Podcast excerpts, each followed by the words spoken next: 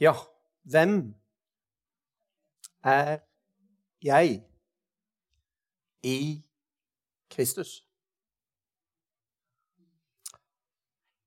Identitet er jo et ord som vi bruker. Å ha en identitet. Hva er din identitet? Hvem er du? Hvem er du i Kristus? Jeg har sagt at uh, mye av det vi snakker om nå i dag, det er, det er, basis. Og hvis det er noe som er basis, så er det vel uh, Romerne 8,1.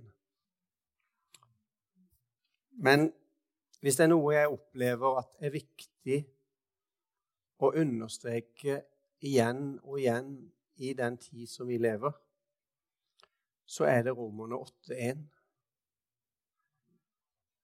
For jeg opplever at det er så veldig mange mennesker, kristne mennesker, gode kristne mennesker, erfarne kristne mennesker, som sliter med fordømmelse.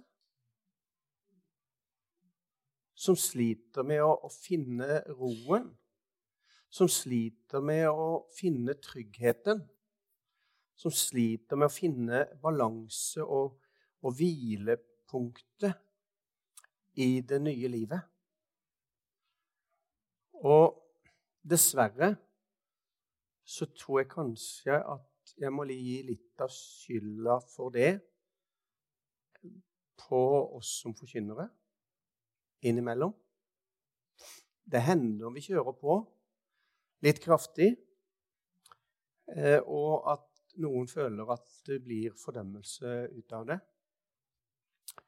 Hvis vi gjør det, så har vi bomma. Eh, fordi at eh, hensikten med forkynnelse er ikke å skape fordømmelse. For at du ikke er god nok og ikke har gjort nok og ikke har bedt nok og ikke har vitna nok og alt det der. Hensikten med forkynnelse, hva er det? Så kommer da troen av forkynnelsen. Forkynnelsen av Kristi ord. Og er det noe som kan skape begeistring og entusiasme, så er ikke det å slå folk i huet med noe hardt. Men er det noe som kan skape begeistring og entusiasme, så tror jeg da Det er min tro og min overbevisning. Så handler det om å male Kristus for øynene på mennesker. Og hvis de får se hans storhet, så er det ingenting annet som kan skape begeistring på et sånt nivå, og glede og overskudd og overflod. Og skapes det begeistring, og fødes det innenifra, så begynner det å skje noe med oss. Da begynner det å skje noe med oss, for da klarer vi ikke å holde oss i ro. For det hjertet er fylt av Det er litt skummelt ord, ikke sant? Det hjertet er fylt av, det, det taler munnen. Og så er jo det fryktelig avslørende for oss, da. Men hvis hjertet er fylt av en begeistring og en takknemlighet og en overflod av det han har gjort for oss, så skaper det noe i våre omgivelser. Så skaper det Jeg holdt på å si fulle benker hver søndag. Og så skaper det begeistring og vitnesbyrd der ute. Og så, så, skaper det entusiasme for det som er det viktigste, den viktige og virkelige virkelighet. Og basisen og utgangspunktet for det må være Romerne 8,1.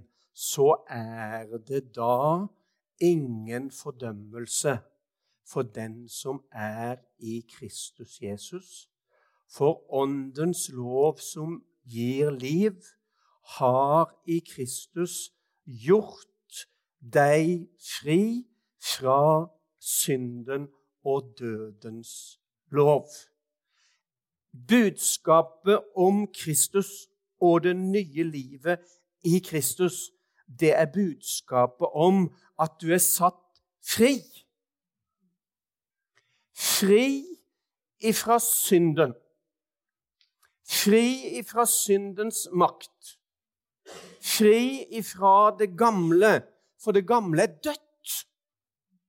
Altså La oss, la oss holde fast på dette her ved tro. Og, og så liksom fortelle anklagen og fordømmelsen når han kommer. For han kommer. Hva forteller han når han kommer? Hva forteller du han når han kommer? Jo, da forteller du han Kjell, som bodde her, han er død. Han er til og med begravd. Halleluja. Men her lever Kristus. En ny skapning i Kristus Jesus. Frigjort ifra syndens og dødens lov. En ånd som gir liv, og som gjør oss fri ifra fordømmelse. Så er det da ingen fordømmelse for den som er i Kristus Jesus. Vers 33, fremdeles Roman 8. Hvem kan anklage den Gud har utvalgt? Gud er den som frikjenner. Hvem kan da fordømme? Kristus Jesus er den som er død. Ja, mer enn det. Han sto opp og sitter ved Guds høyre hånd, og han ber for oss. Jeg syns det er en fantastisk argumentasjonsrekke eh, som Paulus bruker her. Når han stiller spørsmål og sier 'Hvem er det som fordømmer?' Hvem vil anklage? Den Gud har utvalgt. Så kunne han selvfølgelig ha begynt å legge ut, litt sånn som jeg allerede har gjort, om hvem som fordømmer, og på hvilken måte han fordømmer, og, og alt det der. Og, og, og, sagt noe om at fordømmelsen kommer, og, og det er vanskelig, og, ikke sant? Åssen en skal forholde seg til det. En, en kjenner at fordømmelsen den trykker oss ned og holder oss nede, osv. Så, videre, og så, så, så begynner ikke Paulus på en sånn type argumentasjon overhodet. Men han, han går på et helt annet plan, og så sier han hvem vil anklage Guds utvalgte? Gud er den som frikjenner. Og når Gud har frikjent, hva hjelper det da for anklageren eller anklagerne, hvem det måtte være, å anklage? Hvis Gud har frikjent, hvem vil fordømme? Ja, men kjære vene Fordømme? Kristus er død. Er det noe hjelp i å fordømme en som er død? Og jeg døde med han. Er det noe hjelp i å fordømme en som er død? Om synderegisteret er aldri så langt. Om anklagepunktene er aldri så mange. Du kan føre en rettssak så langt som du bare vil. Til Høyesterett og til Strasbourg og fram og tilbake og hvor du vil. så kan du føre den. Men det hjelper da ingenting å anklage den som er død. Fordi at det er for seint å straffe den som er død. Den som vil straffe den som er død, han kommer for seint. Og den som vil anklage Guds utvalgte, og den som vil fordømme Guds utvalgte, han kommer for seint. For dommen falt på Golgata kors. For 2000 år siden da tok han skyldbrevet, det som gikk oss imot, det som var skrevet med bud. Da tok han og så han det fast til korset. Og så gjorde han ikke bare det, men så står det han sletta det ut. Halleluja. For det, eh, det, det, det, er ikke sånn at det står der fremdeles en plass. Det ble sunget en gammel sang, og det er sangt før om han som skrev 'betalt på regninga mi'. På min regning har han skrevet 'betalt'. Det er altfor dårlig, vet du. For hvis han har skrevet 'betalt på regninga', så er regninga der fremdeles. Men hvis han har sletta den ut, så er den borte. Og det er ingen som kan finne det igjen. Ingen som kan hente det fram igjen fra gamle kroker eller gamle arkiver eller et eller annet gammelt, og så sier de om å huske på åssen det var den gangen, du. Bare huske på åssen det var. Han utsletta skyldbrevet. Han nagla det til korset. Han beseira døden og dødens makt. Han tok et endelig oppgjør med synden. Hebreerbrevet sier han borttok synden ved sitt offer. Og dette er, dette er, viktig, selv om det er veldig basic. Men Bibelen skiller mellom synden i bestemt form entall og de manges synder. Og der klarer ikke vi alltid helt å skille. For når Jesus kom, så kom han, og så tok han et oppgjør med synden. Hvilken synd? Den som i utgangspunktet trengte igjennom til alle mennesker fordi det første mennesket falt. Og fordi det første mennesket falt, så kommer synden, og så trenger den igjennom til alle mennesker. Og så sier Romerbrevet kapittel 5 så blir de alle syndere. Så ble du altså ikke en synder på grunn av alt det gale du har gjort men du ble en synder fordi at Adam falt. Det er Bibelens budskap. Du ble en synder fordi at Adam falt, og denne synden den var så grunnleggende og gjennomtrengende at med den så kom forgjengeligheten, og så kom døden, og så kom alle de negative og destruktive og ødeleggende kreftene. De kom inn i verden og gjorde påvirkning på mennesket. Derfor ble det slutt på det evige livet, i Edens hage. Fordi at synden kom inn og skapte skilsmisse mellom menneske og Gud. Og Det er denne synden som holdt mennesket utenfor, og som brøt kontakten med den levende og mektige Gud. Og Det var denne synden som trengte igjennom. Dødens brodd er synden. Det var den som skapte død og det var den som skapte den evige død.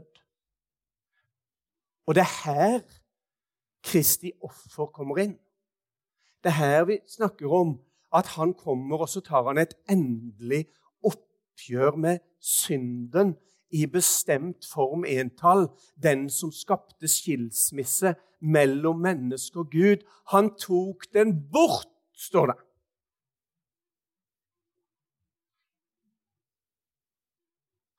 Og Så snakker han videre om våre synder.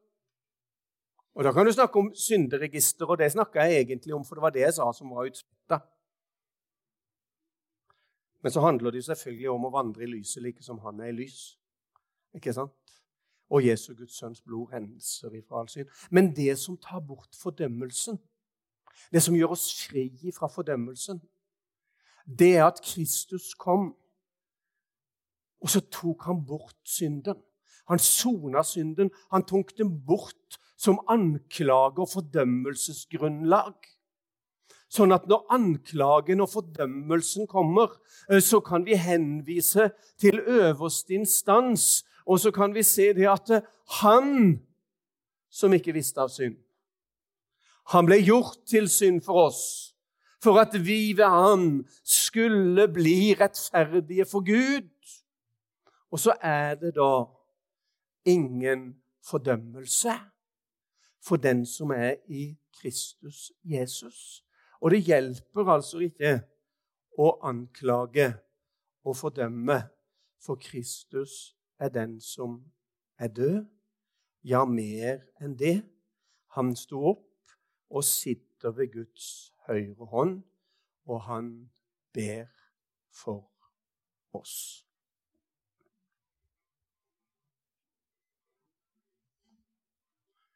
Vi får gå litt tilbake til Feserbrevet, da.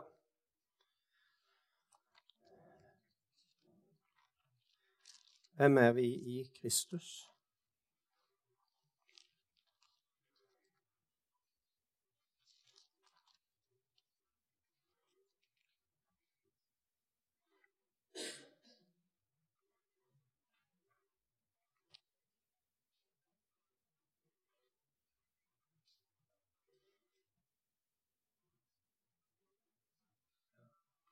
Velsignet er Gud, vår Herre Jesu Kristi Far, Han som i Kristus har velsignet oss med all åndens velsignelse i himmelen.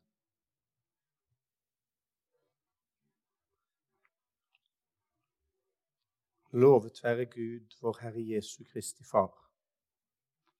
Det er ikke så rart Paulus begynner med en lovprisning. For Hvis ikke dette skaper lovprisning, så vet ikke jeg hva som skal skape lovprisning. Lovet være Gud, vår Herre Jesu Kristi Far, Han som har Dette er god frivensk forkynnelse, dere. Han som har velsignet oss Mm. For det handler om det han har gjort. Og det han har gjort, det er grunnlaget for hvem du og jeg er i dag. Ikke sant? Det er ikke på grunn av oss sjøl eller noe i oss, men det handler om det han har gjort. Og det han har gjort, det har han gjort endelig, og det har han gjort fullkomment. Ikke sant? Jeg har ikke gjort noe halvveis, han. Ikke noe ufullkomment heller. Men det han har gjort, det gjorde han fullkomment.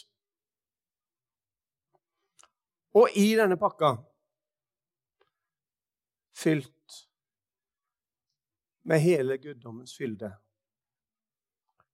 så ligger denne velsignelsen som vi så gjerne vil ha. For vi vil jo så gjerne være velsigna. Er vi ikke det? Vi ber jo så mye om at vi må bli velsigna. Hva er det du vil da? Du ber om å bli velsigna. Nei, jeg skal ikke spørre om det, for det kan du svare på selv. Jeg tror jeg vet hva det handler om. Men igjen tilbake til det som har vært utgangspunktet mitt litt i kveld dette her med at eh, det er ikke min følelse. Det er ikke min opplevelse av situasjonen. Det er ikke det øyeblikket at jeg føler meg så salig, at jeg er så veldig mye mer velsigna.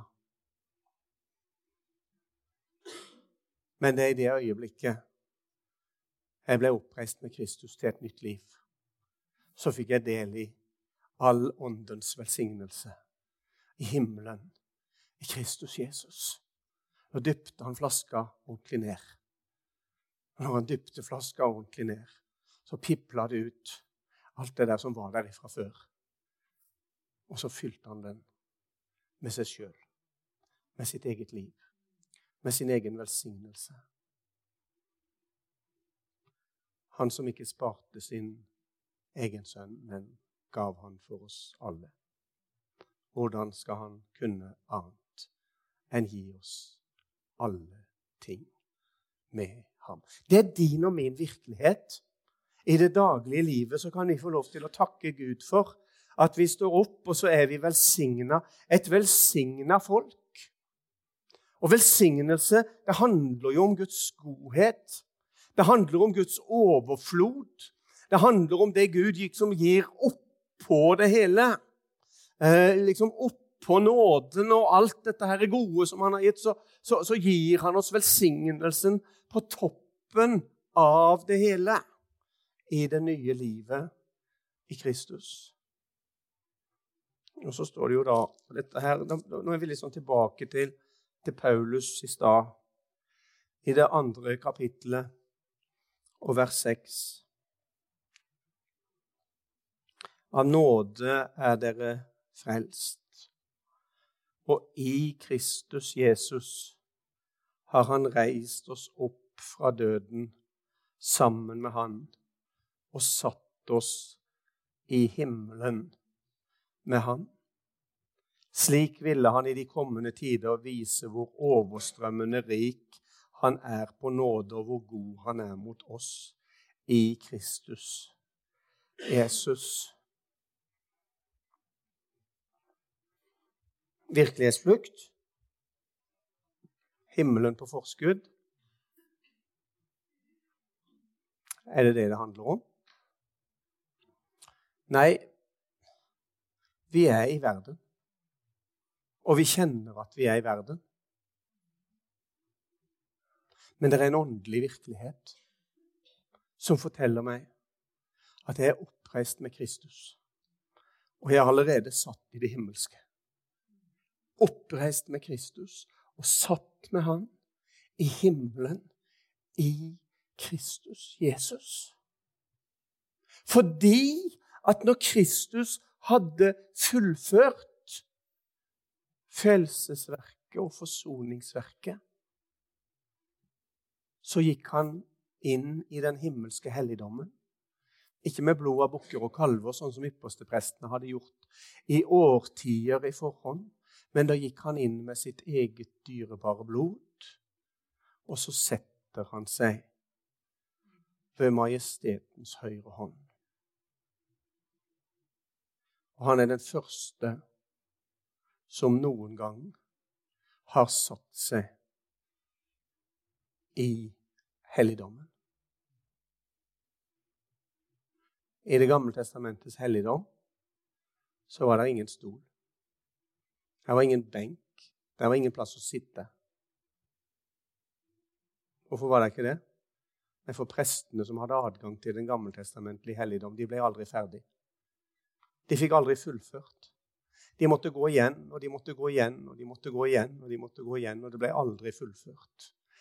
Men når han som er ypperste presten etter Melkesedeks vis Når han trer inn i den himmelske helligdom, så har han ropt 'Det er fullbrakt'.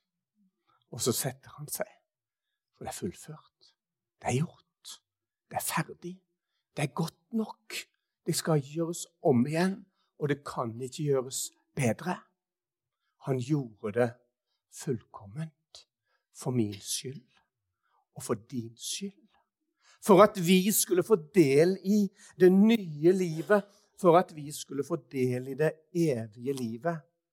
For at vi skulle få lov til å oppleve at vi har en åndelig virkelighet der vi allerede er satt med Han i himmelen.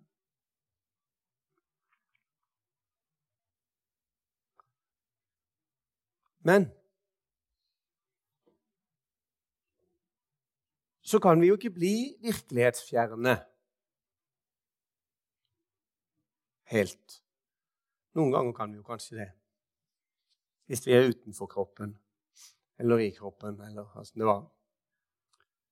Men i det andre kapittelet her i Efeserbrevet, i det tiende verset, så skriver han videre, og så sier han for vi er Hans verk, skapt i Kristus Jesus. Skapt i Kristus Jesus. Ikke av gode gjerninger, men til gode gjerninger. Og, og her bommer vi nok øh, noen ganger. Og, og selv om vi vet det så veldig, veldig, veldig, veldig godt at det er ikke på grunn av gjerninger, så er det så veldig, veldig lett at liksom, vi blir opptatt av det at vi skulle jo gjerne ha gjort. Men i Guds rike så blir du ingenting av gjerninger. I Guds rike så blir du bare noe av nåde. For alt det han har gjort, og alt det han har gitt til oss, det er bare nåde. Det er ikke noe fortjeneste, det er ikke noe på grunn av gjerninger. Vi kan ikke legge noen ting til om vi er aldri så fromme og aldri så flinke og aldri så vellykka og alt sammen. Vi kan ikke legge noen ting til, for det han har gjort, det er fullkomment, og det er nok, og det holder for Gud. Og hvis det holder for Gud, så må det da holde for oss.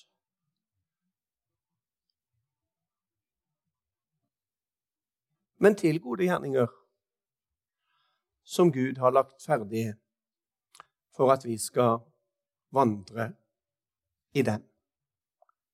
Til gode gjerninger. Altså Vi er skapt i Kristus, men vi lever i verden. Ikke av verden, men i verden og til verden, som Jesus ber om i sin ypperste prestelige bønn i Johannes evangelium kapittel 17.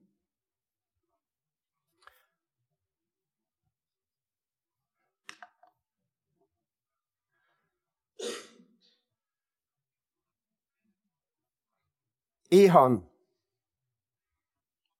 har vi frimodighet.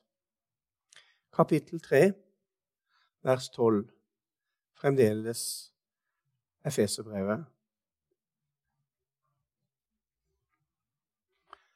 I Han har vi frimodighet, og i troen på Han kan vi komme fram for Gud med tillit.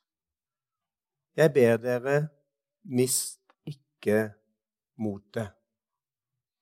Så står det noe mer der, selvfølgelig, men eh, la oss stoppe med den.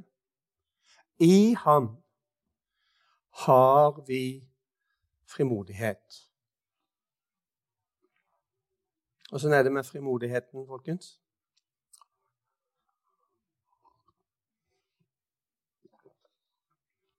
Det er vel kanskje noe av det vi eh, oftest kommer tilbake til og ser at vi syns vi vi har så lite frimodighet.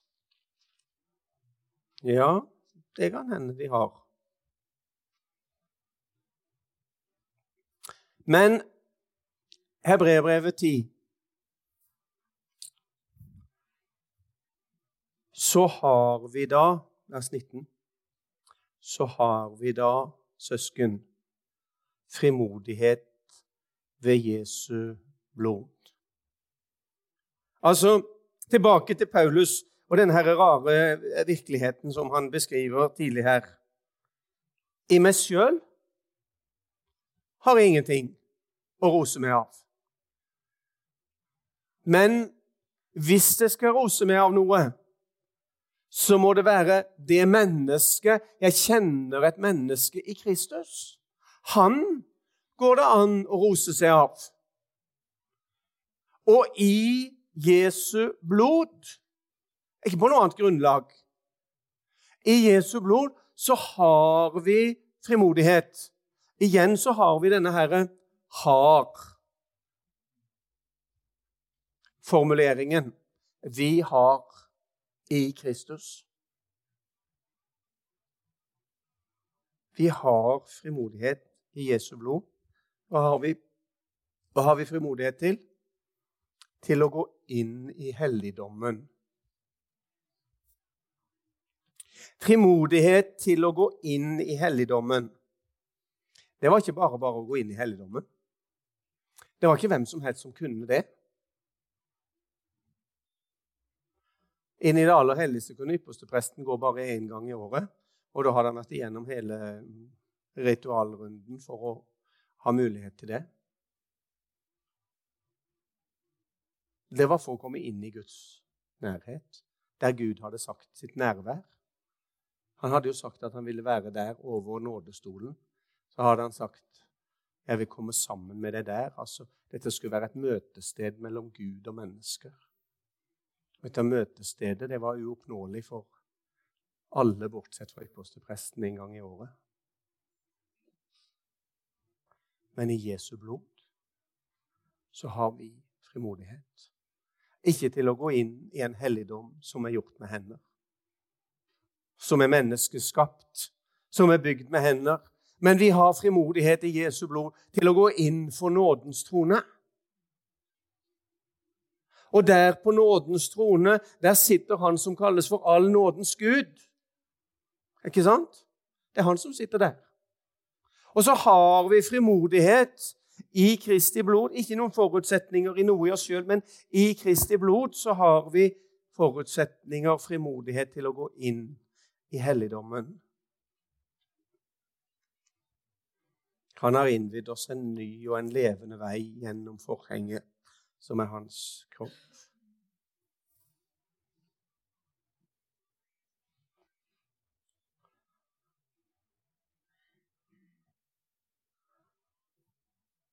Det er to uttrykk som går igjen i Hebreerbrevet kapittel 10. Det ene er 'så har vi da'. Og det andre 'så la oss'. Og så har vi veldig lett for å snu på det. Har vi ikke det? Vi har veldig lett for å snu på det og si la oss nå be litt mer. La oss nå lese litt mer. La oss nå være litt mer frimodige. Så skal vi sikkert få noe mer. Men det er akkurat det motsatte Eh, som står i Hebreerbrevet kapittel 10. Der fortelles det at vi har frimodighet. Vi har en stor prest.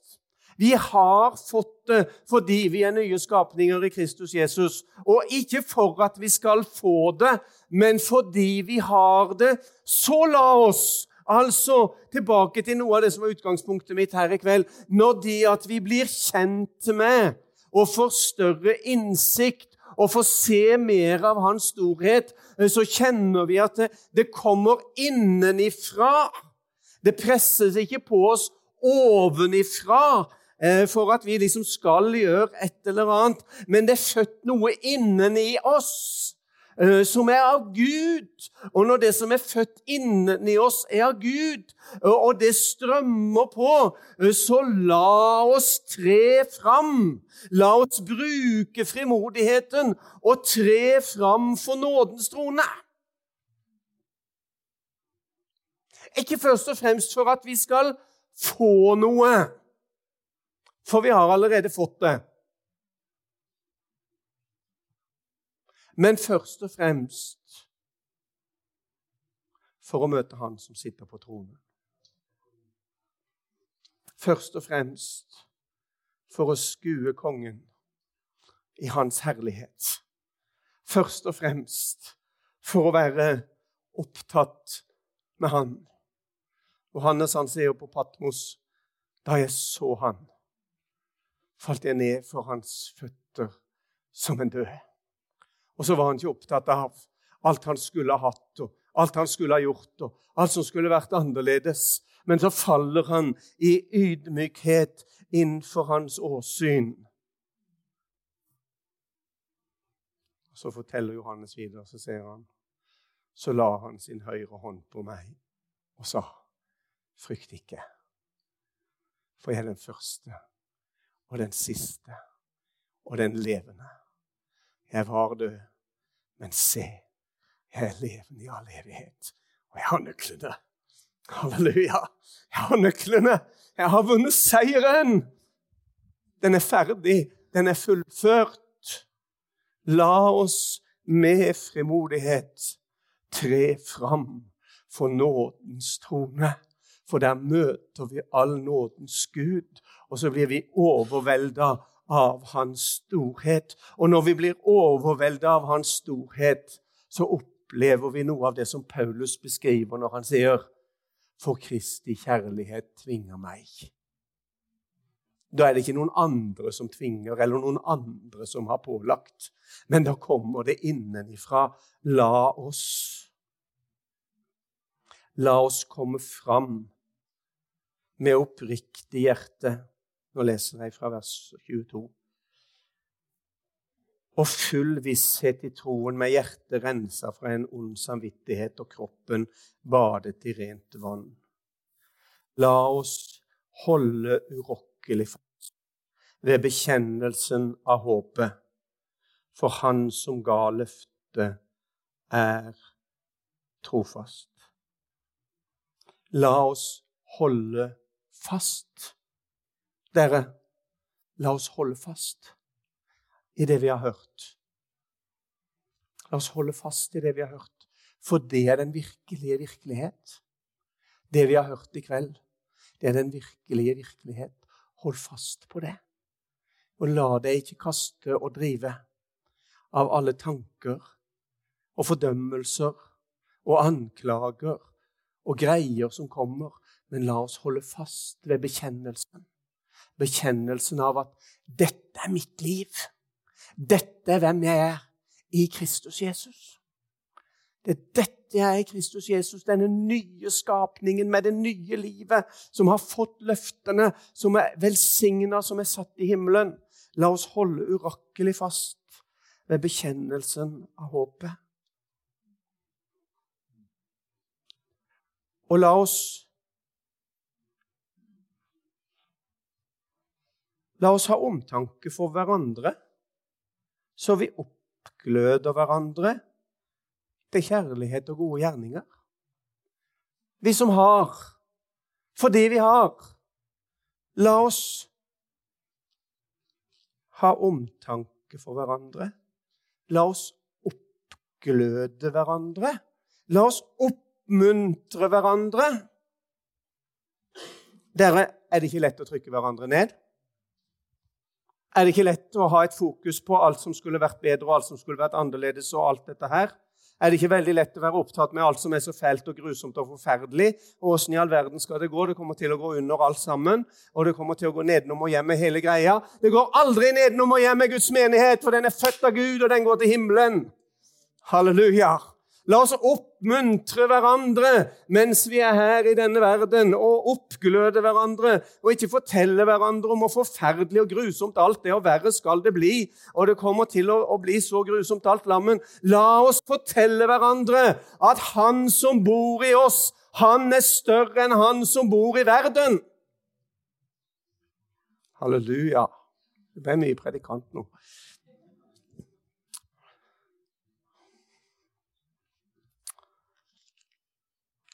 Og la oss ikke holde oss borte når menigheten vår samles, som noen har for vane. Men la oss heller oppmuntre hverandre, og det er så mye mer som dere ser at dagen nærmer seg. La oss, og dette er satt inn i en helt spesiell sammenheng, sånn rent teologisk. Så jeg skal ikke, skal ikke gå inn på, på dette med, med, med, menigheten her. Men, men et, vi kan ta det med oss jeg syns vi kan ta det med oss som et godt råd og som en god oppmuntring. La oss, vi som er så begeistra for Jesus, og vi som har så lyst til å dele han med andre, la oss ikke holde oss borte når menigheten samles. Men la oss komme sammen og være begeistra for Jesus og det som han har gjort, og det som han har gitt oss. Og la oss, når vi kommer sammen, la oss opp oppmuntre hverandre. La oss oppgløde hverandre, la oss oppmuntre hverandre. La oss inspirere hverandre. La oss opphøye hverandre.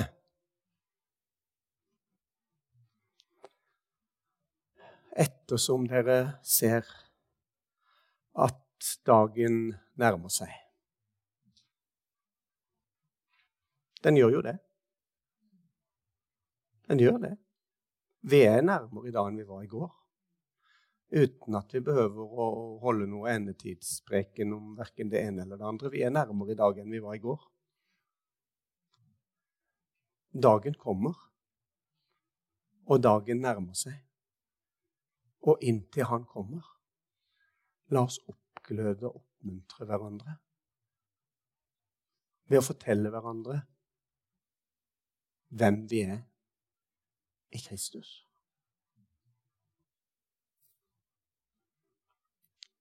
La oss be. Herre, vi takker deg for dette Det er ditt verk at vi er i Kristus. Halleluja. Av bare nåde så har du gjort det.